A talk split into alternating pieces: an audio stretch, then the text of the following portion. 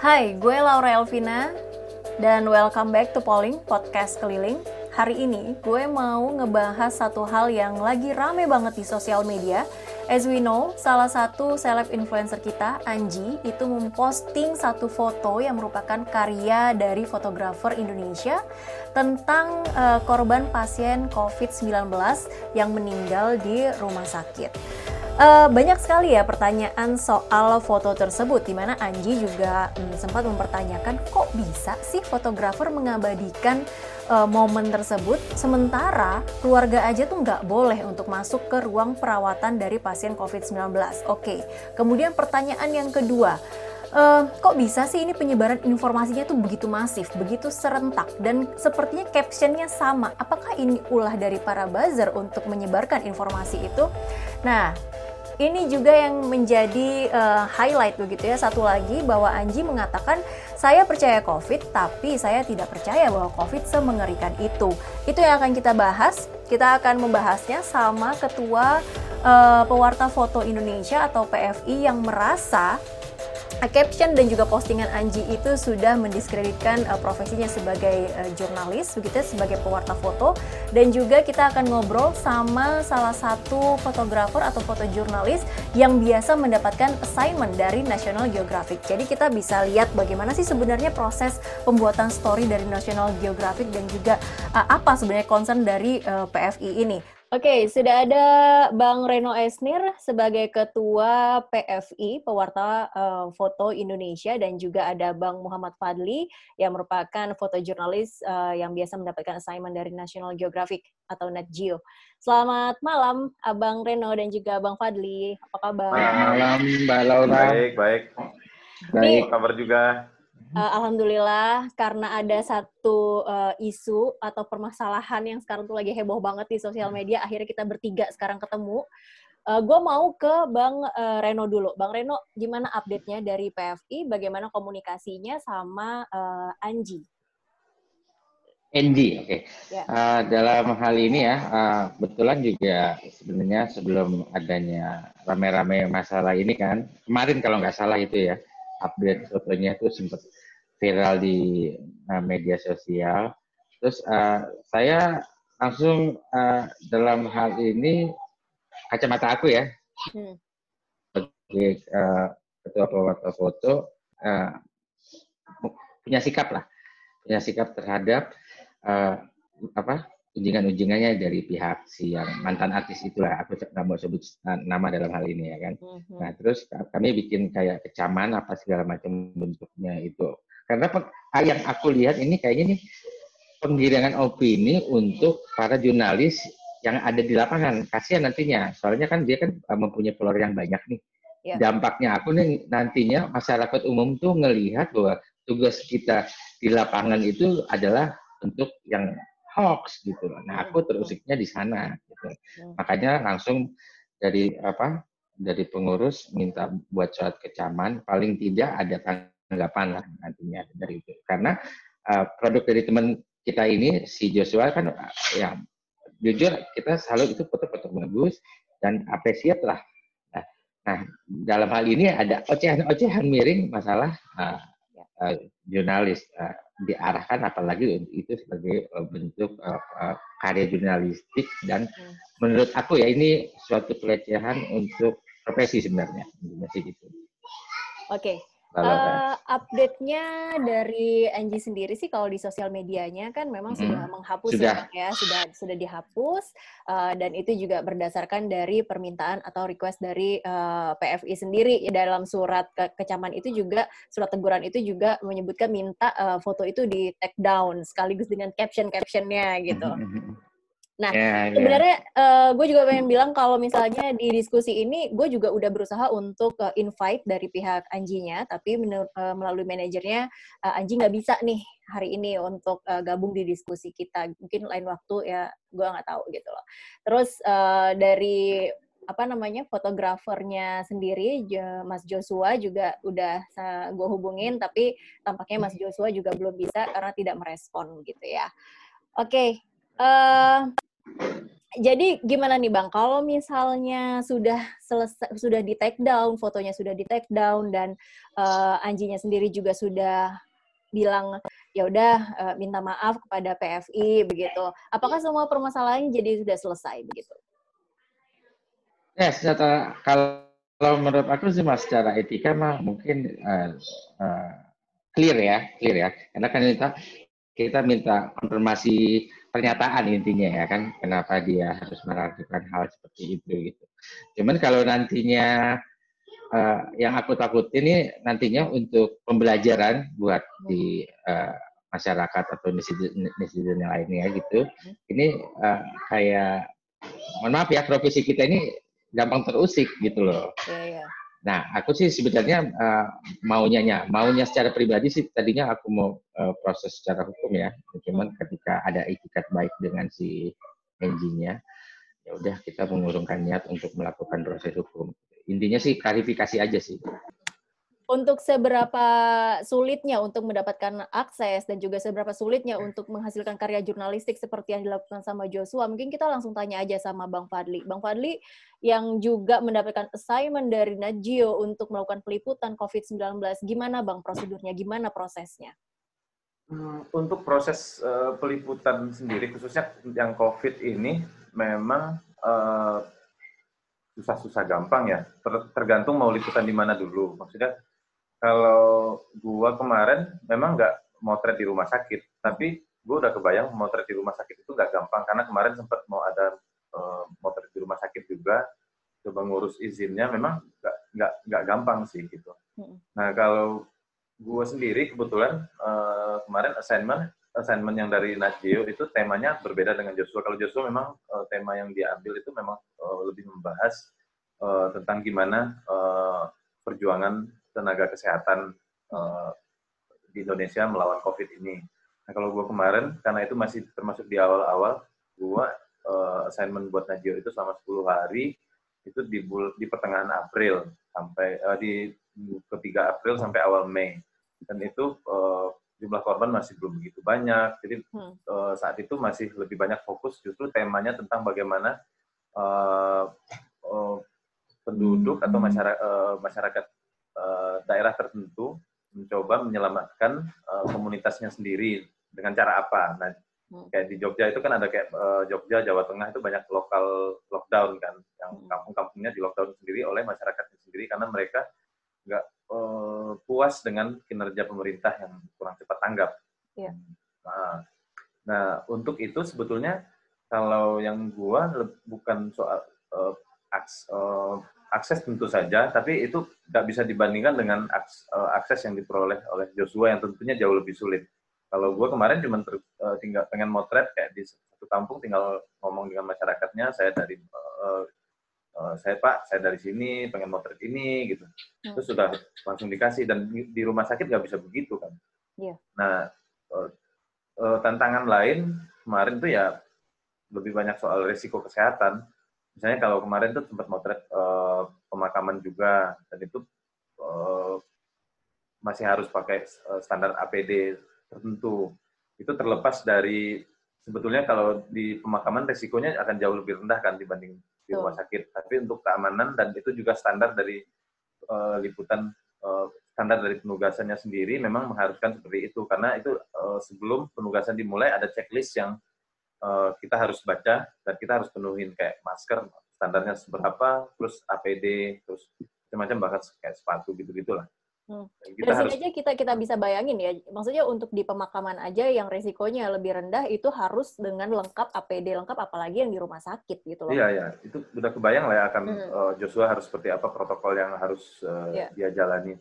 Ya kalau gua kemarin ya cuman kayak mau pakai APD, terus setelah itu semprot-semprot udah lebih cepat lah prosesnya. Kalau Joshua di rumah sakit uh, itu akan jauh lebih ribet Mungkin kayak uh, pindah ruangan, mungkin dia harus mandi lagi, terus pakai APD baru pastinya kan. Hmm. Kalau kayak kemarin di uh, pemakaman ya tinggal pakai terus sudah motret, cepet nungguin, terus hmm. udah beres. Jauh hmm. lebih simpel sih kayaknya sebagai uh, sesama rekan gitu ya sama Joshua yang mendapatkan assignment dari National Geographic. Uh, kalau kita bicara soal story-nya Najio, itu kan foto dokumenter ya, Bang ya? Dokumenter, dokumenter. Dokumenter kan. Uh, maksudnya memang harus apa ya detail ceritanya detail fotonya juga memang visualnya harus bisa bercerita kayak gitu uh, apa tanggapan bang Fadli soal adanya yang rame-rame kemarin dari Anji itu yang benar-benar dia posting tuh fotonya uh, karyanya Mas Joshua dengan caption yang mempertanyakan uh, ini kerja seperti kayak mempertanyakan ini buzzer atau apa gitu uh, itu gimana ya sebetulnya antara merasa tersinggung dan merasa lucu juga sih. Ini kok hmm. orang nggak bisa secara profesi ya? Tersinggung secara profesi tapi merasa lucu karena di saat yang sama uh, kayak Anji sebagai public figure dia bahkan nggak bisa membedakan antara mana yang karya jurnalistik hmm. uh, dengan fungsi uh, fungsi dengan fungsinya masing-masing dan uh, hasil karya buzzer uh, yang dengan fungsinya juga gitu. Dan ini Uh, tapi setelah itu juga kepikiran ini juga bukan uh, masalah di Indonesia aja. Ini hmm, juga yeah. soal misinformasi kayak gini tuh juga masalah global gitu. Hmm. Sedangkan apa yang dilakukan Joshua ini sesuatu yang uh, bukan sesuatu yang dibuat-buat. Dia memotret memang apa yang uh, dilihat di depan matanya waktu itu kan. Hmm, hmm. Dan sebagai uh, ya gue yang pernah motret buat NG juga uh, uh, apa ya bisa ngerasain kayak Joshua itu standar seperti apa sih yang dia harus capai untuk uh, karya yang dia bikin hmm, dan juga apa, uh, uh, apa ya misalnya kayak persyaratan-persyaratan yang dia harus hmm. penuhi hmm. misalnya dia harus uh, etika yang harus dia dia jalanin gitu loh kayak misalnya uh, dia nggak boleh nyeting orang nggak hmm. boleh nyeting tempat hmm. itu benar-benar uh, kita dikasih kayak uh, uh, term of reference yang itu pan, gitu ya? guideline itu panjang banget. Apa yang boleh kita lakukan apa yang nggak boleh kita lakukan. Uh, kita harus uh, misalnya kita uh, misalnya nar nama narsum nih. Kita yeah. harus catat kita harus catat nomor teleponnya. Karena nanti bisa jadi uh, bukan bisa jadi ya. Hampir selalu semua orang yang contoh ini kalau misalnya kita trade buat National Geographic terus nanti hmm. ada foto yang kepilih akan tampil di majalah. Itu National Geographic akan melakukan proses verifikasi dia akan minta semua nomor telepon, alamat email orang yang ada di dalam foto. Kemudian mereka akan hubungi untuk verifikasi bahwa kita sudah misalnya foto dan captionnya itu sudah ditulis dengan benar. Hmm. Jadi standarnya sangat-sangat tinggi. Jadi okay. ketika ada orang yang meragukan itu, uh, eh, gue sih bisa paham karena di era kayak sekarang Betul. orang gak, apa ya karena semakin banyak informasi orang orang malah semakin susah percaya kan. Itu bisa dipahami tapi di saat yang sama orang juga harusnya paham kalau ada uh, kayak misalnya buat Najio gini atau media-media yang inilah kalau misalnya di sini hmm. kayak Kompas, uh, yeah. uh, Tirto misalnya, hmm. uh, apa ya Tempo itu punya standar yang sangat tinggi kan, mereka akan selalu inilah cek yang yang gitu-gitu. Hmm. Jadi ini sama aja orang nggak melihat dari, dari situ kan akhirnya ini uh, bisa mematahkan anggapan orang-orang yang menganggap karya dari uh, foto dari uh, Joshua itu settingan begitu. Iya, itu, yeah, itu yeah. kalau gue ngelihatnya itu konyol banget sih. Kalau yeah, yeah. sempat baca beberapa komentar itu ini orang banyak yang menduga-duga ini yang pakai hmm. teknik lighting hmm. begini lah. Hmm. Ini ini gila sih. Kalau bacanya bikin frustasi ini orang kok menduga menduga-duga curiganya tuh keterlaluan gitu. Dan mereka kayak bahkan ya curiga tanpa alasan gitu, alasan yang jelas gitu. Hmm. Itu kan sayang banget kan. Iya ya itu itu makanya kita butuh cerita dari Bang Fadli itu oh, biar orang-orang juga paham bahwa enggak lah nggak mungkin lah kita menyeting ini semua gitu. nah Bang Reno, oke. Okay. Ya ya. Uh, tapi dalam peliputan foto khususnya, hmm. Hmm. apakah boleh kita membuat satu settingan begitu? Ya, kalau secara uh, settingan ya, ya. kalau buat itu mas sebenarnya nggak boleh ya buat, hmm. buat uh, pakai foto jadi settingan ya, karena kan itu adalah omongan publik. Hmm. Tapi ini di luar konteks ya, kalaupun itu terjadi pun, ya kan, ya settingan kalau menurut aku ya, kalau liputan kayak ekonomi, liputan ekonomi apa segala macam kita apa kayak foto-foto inilah MOU MOU acara ekonomi di setting setting itu rapi mungkin gitu ya. Nah, itu boleh nggak masalah ya kan. Cuman ketika pure dengan peristiwanya langsung, ya nggak mungkin lah. Oke, okay. ya, artinya begini, kita kita harus kita harus memisahkan gitu. Ketika kita mau hmm. mengambil foto MOU begitu, kalau hmm. misalnya hmm. foto yang nggak rapi ya ambiar gitu loh, ya, ya kan? yang nggak boleh disetting berarti kejadiannya. Kejadiannya kan. Oke. Okay. Ya itu itu harus harus dijelaskan dan uh, rasanya orang-orang juga harus paham sih gitu. Ya, ya.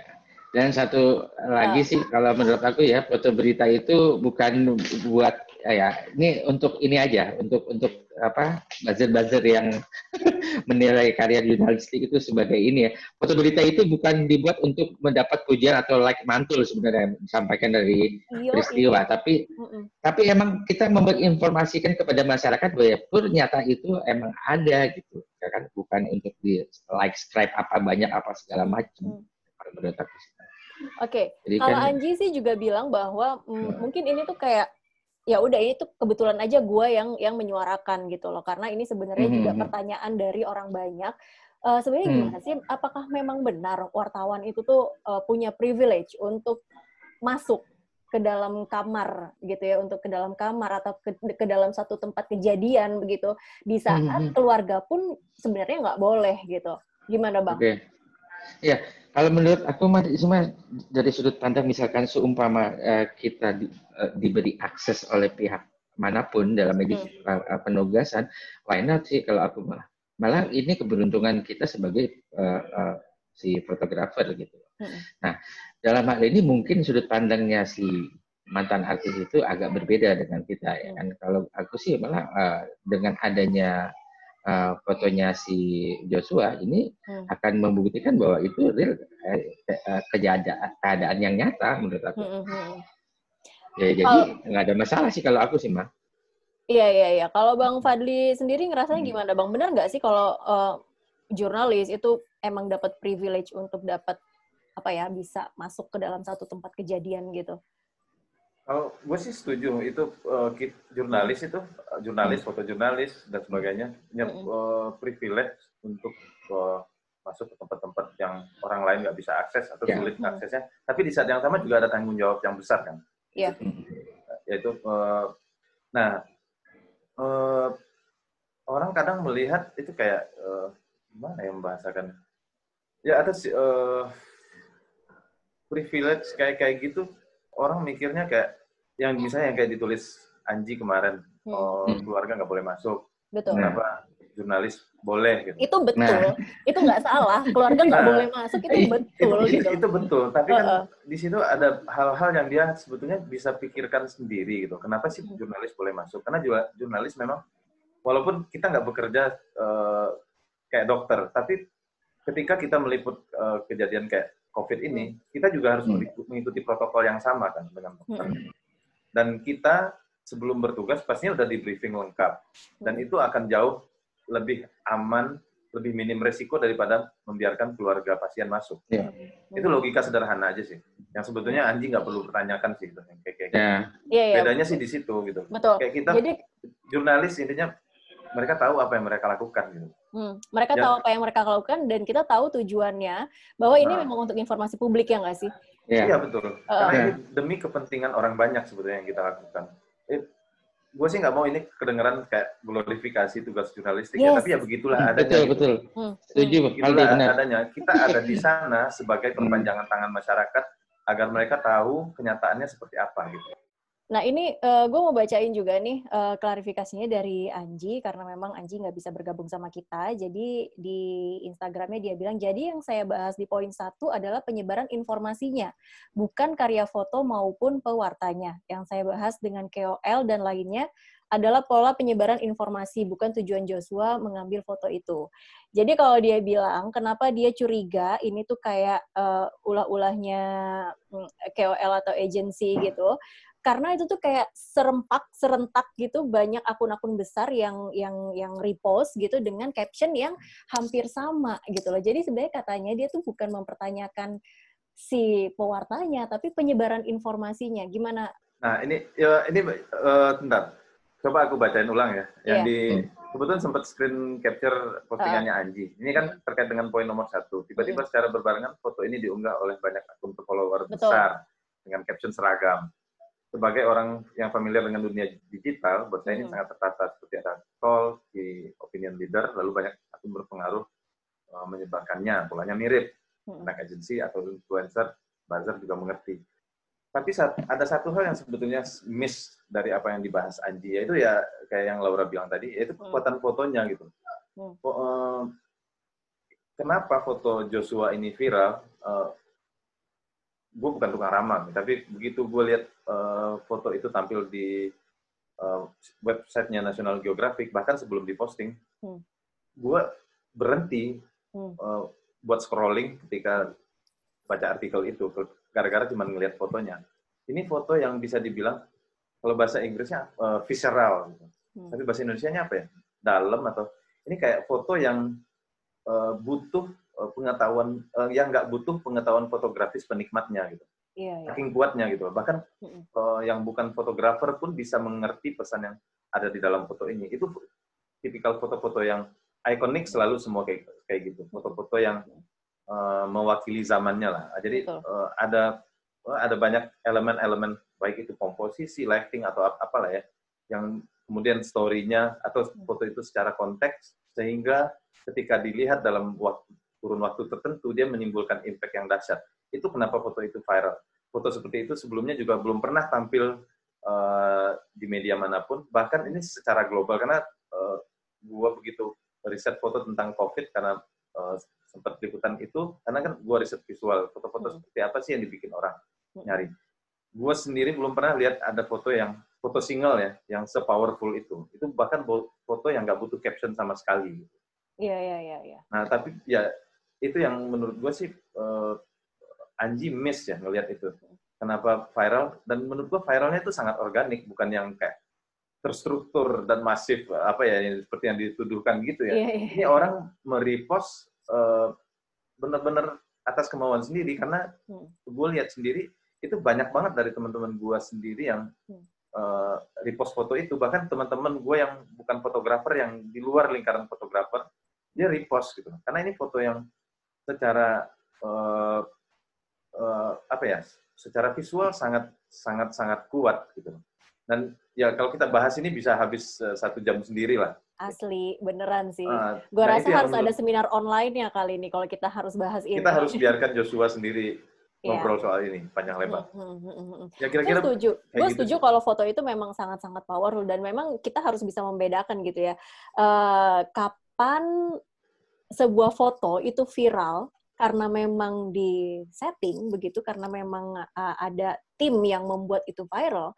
Eh, kapan sebuah foto itu viral karena memang orang-orang menyukai foto itu gitu loh iya betul itu itu yang harus harus kita pisahkan harus bisa kita pisahkan gitu loh jadi orang-orang memang harus harus bisa punya critical thinking yang yang tinggi gitu loh untuk bilang oh iya ya ini fotonya memang bagus gitu loh. jadi tidak gampang untuk tergiring lah opininya gitu Ya bahkan kalau Anjinya sendiri bilang anak agency atau influencer buzzer pasti tahu.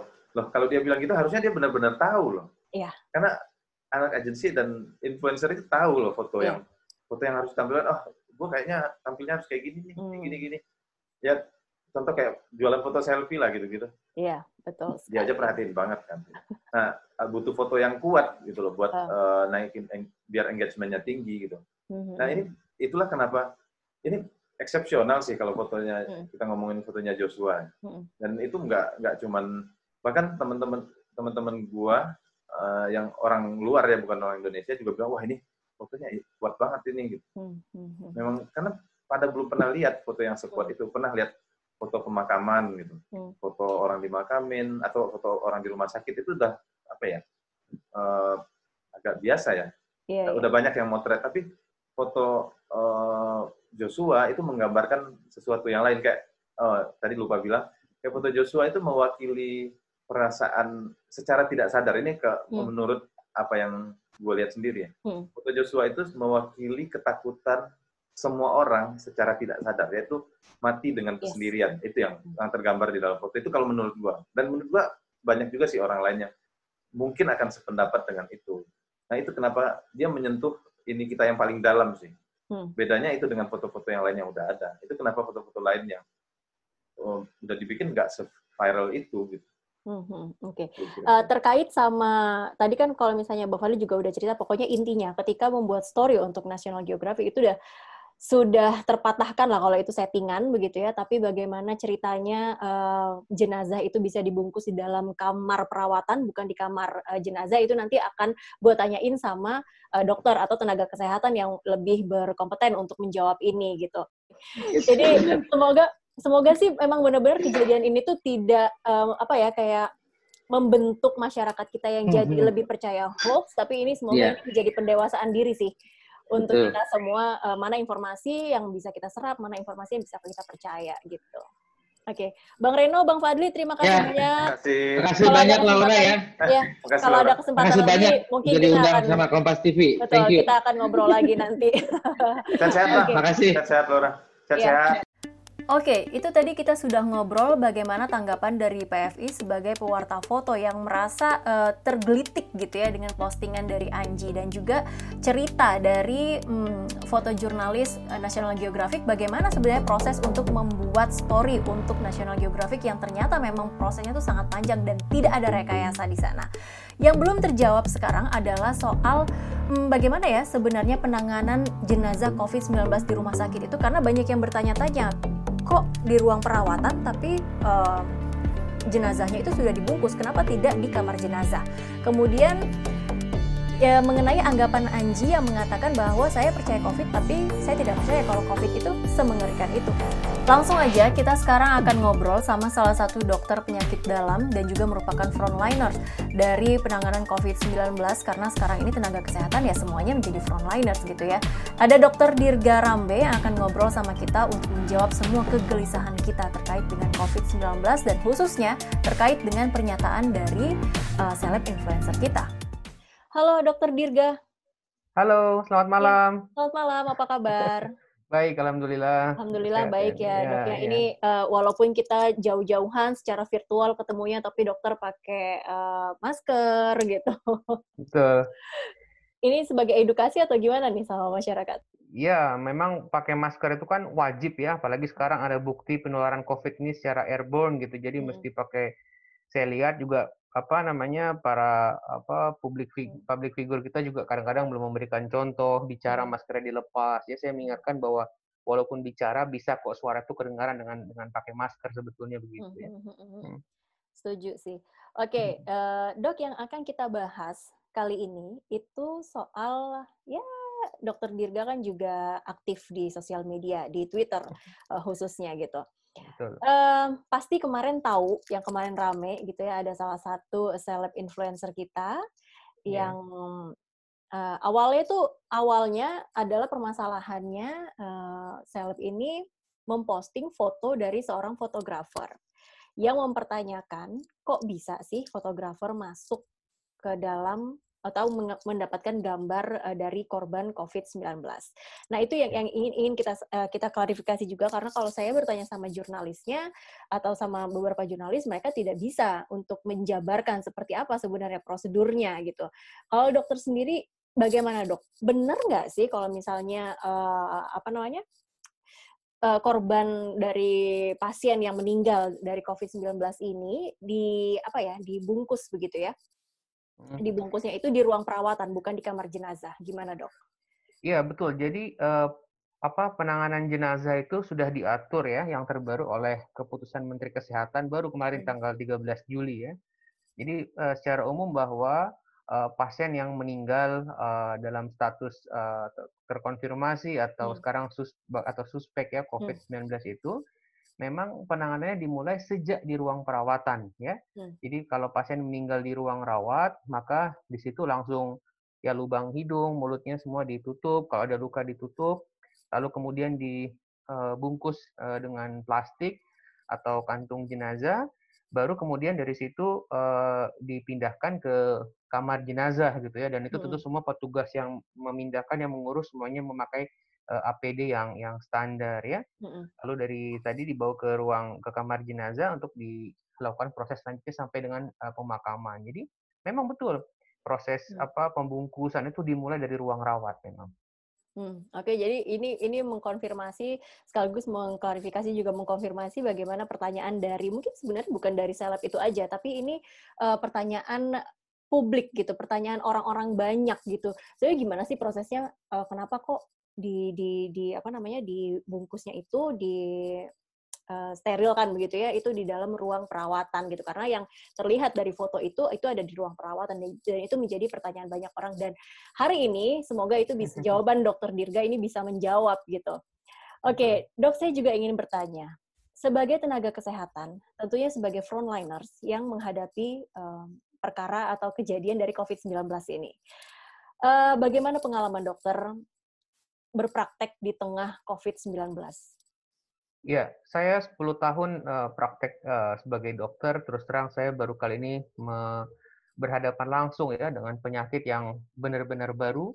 Hmm. Dan kalau saya bilang mengerikan, kenapa? Karena hmm. sangat infeksius, sangat menular ya.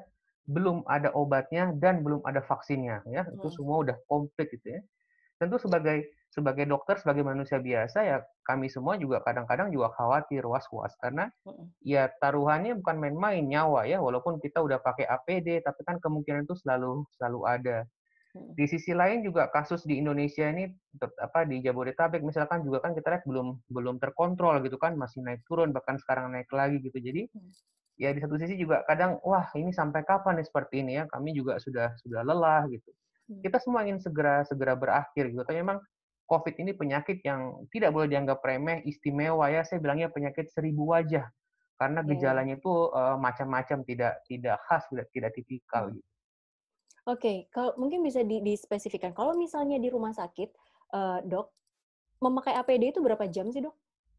Ya, tergantung dengan apa situasinya ya. Maksudnya kadang-kadang kan dokter itu situasinya kadang di poli atau dirawat uh, jalan ya, atau dirawat inap, kamar rawat inap juga dibagi dua lagi, ada yang di kamar yang khusus isolasi atau yang di ruang rawat uh, biasa ya. Kalau di ruang rawat yang uh, isolasi yang khusus COVID ya pakai APD bisa tergantung shift. Biasa satu shift sekarang kita batasi 8 jam ya supaya okay. juga tenaga medis tidak kelelahan, tidak burn out gitu. Hmm.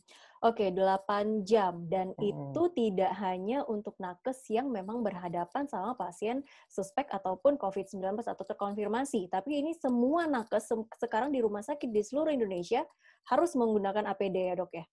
Iya, walaupun levelnya beda-beda ya. Jadi kalau hmm kalau di uh, poli itu kan ada disebut sebagai level 1 ya. Hmm. Kalau yang di ruang rawat isolasi namanya level 3 yang pakai hazmat segala macam. Nah, itu memang yang hmm. yang paling melelahkan ya karena kita hmm. apa nggak boleh ngelepas dalam sekian jam gitu. Hmm. Artinya begini, kalau misalnya semakin banyak orang yang tidak peduli untuk menerapkan protokol kesehatan, tidak menutup kemungkinan uh, kasus dari COVID-19 di Indonesia ini akan semakin tinggi. Artinya, tugas nakes juga akan semakin banyak, semakin berat gitu, semakin panjang gitu ya dok ya. Nah ini kemarin dok, eh, salah satu seleb kita ini mengatakan bahwa saya percaya COVID itu ada, tapi saya tidak percaya kalau COVID itu semengerikan itu. Bagaimana tanggapan dokter? Ya, saya pikir itu pernyataan yang menyesatkan ya.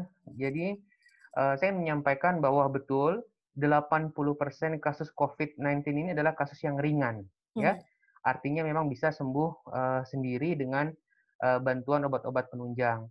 Ada 20% kasus yang berat sampai masuk ICU bahkan sampai masuk dengan kematian. Masalahnya, kita tidak pernah tahu kalau kita kena itu kita masuk yang 80% apa yang 20%. Yeah. Ya.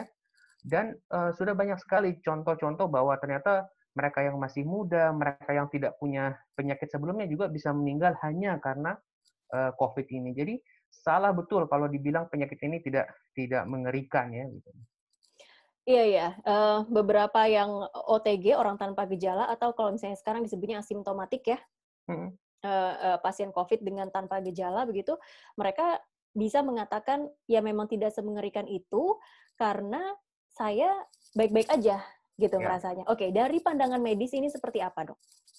Ya, OTG atau orang tanpa gejala memang dialami cenderung lebih banyak oleh uh, orang yang berusia muda karena hmm. memang tubuhnya masih fit masih apa ya. Hmm. Memang OTG ini memang bisa nyaris tidak merasakan apa-apa jadi merasa hmm. unfine gitu. Padahal uh, itulah kenapa bahwa, mereka merasa ya saya baik-baik aja kok gitu loh walaupun ya. saya uh, apa menderita atau terinfeksi dari COVID-19 gitu ya.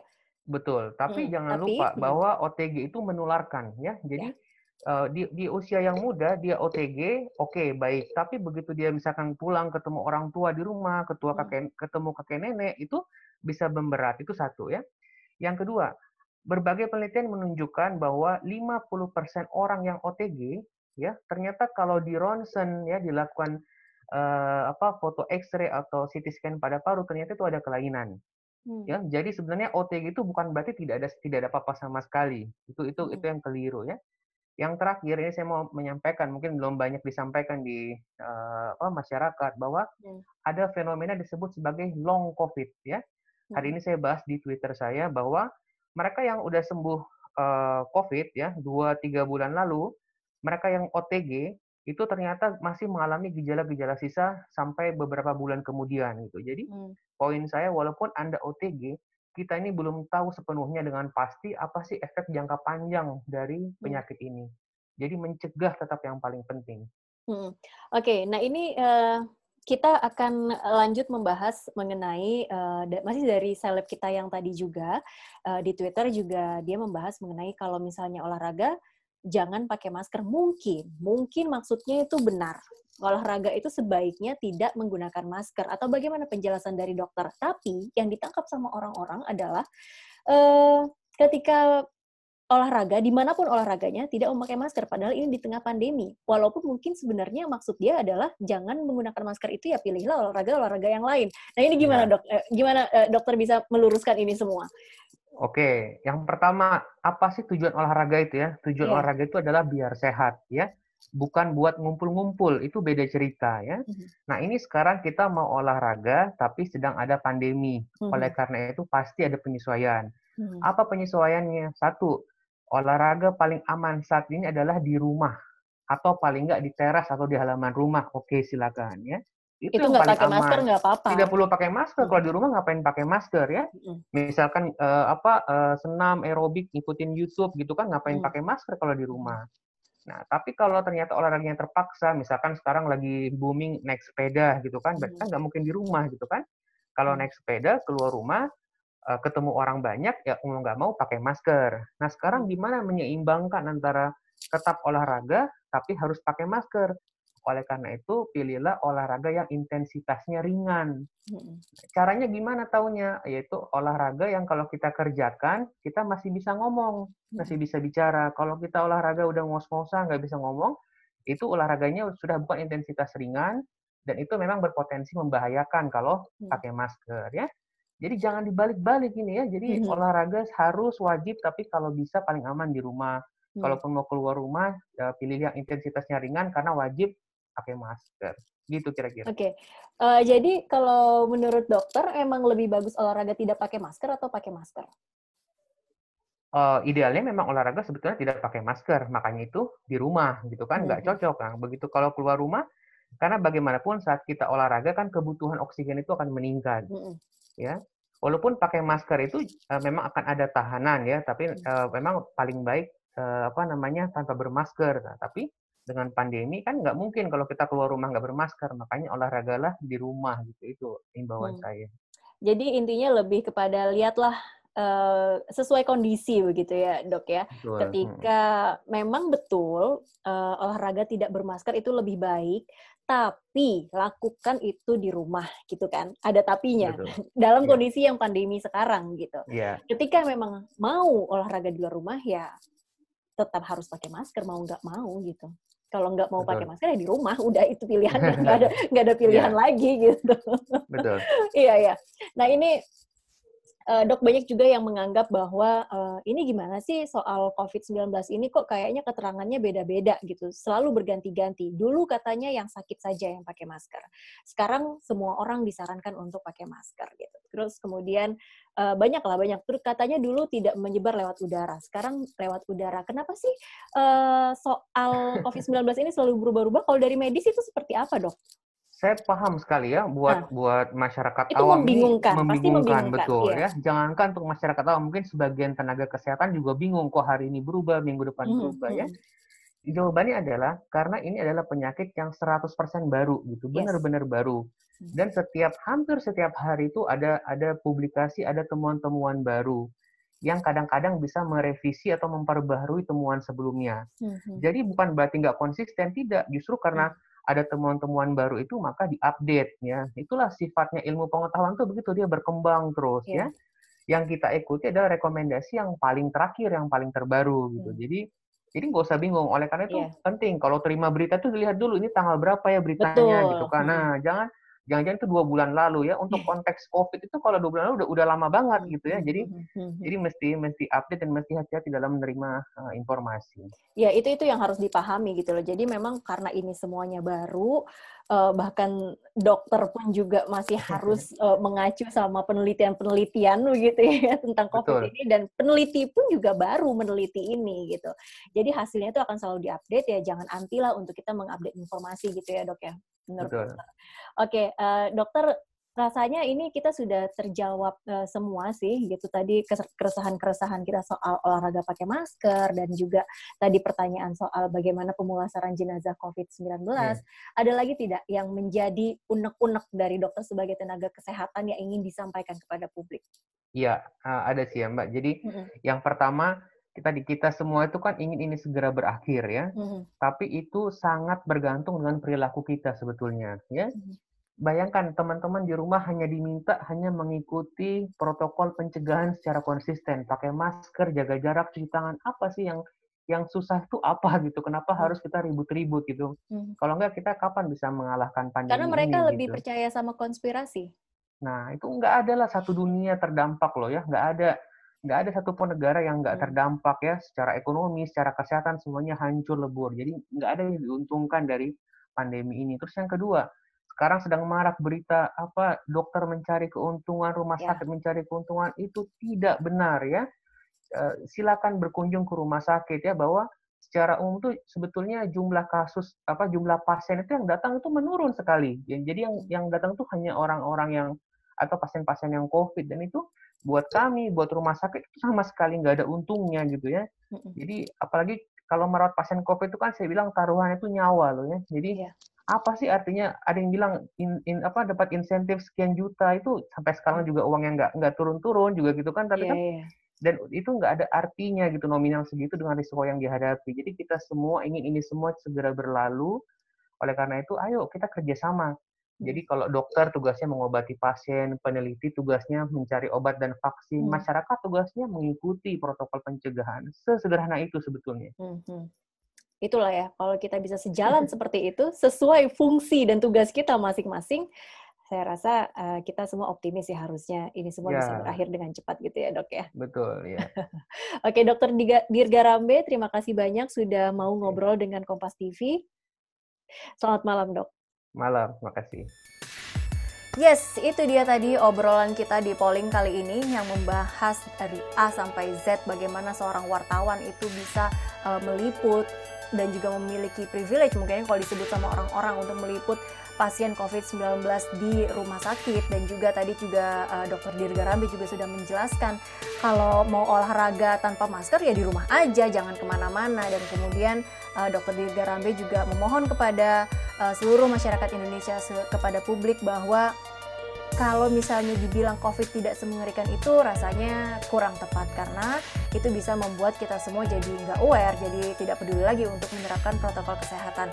Dan gue juga mengajak kalian semua untuk tetap melakukan protokol kesehatan untuk kita, untuk orang-orang yang kita sayangi dan untuk membantu uh, tenaga kesehatan kita agar terus berkurang um, pekerjaannya ya di tengah COVID-19 ini. Dan semua orang, uh, gue rasa gue, kalian, dan semua orang yang ada di Indonesia sekarang dan di seluruh dunia pasti berharap bahwa COVID-19 akan segera berakhir.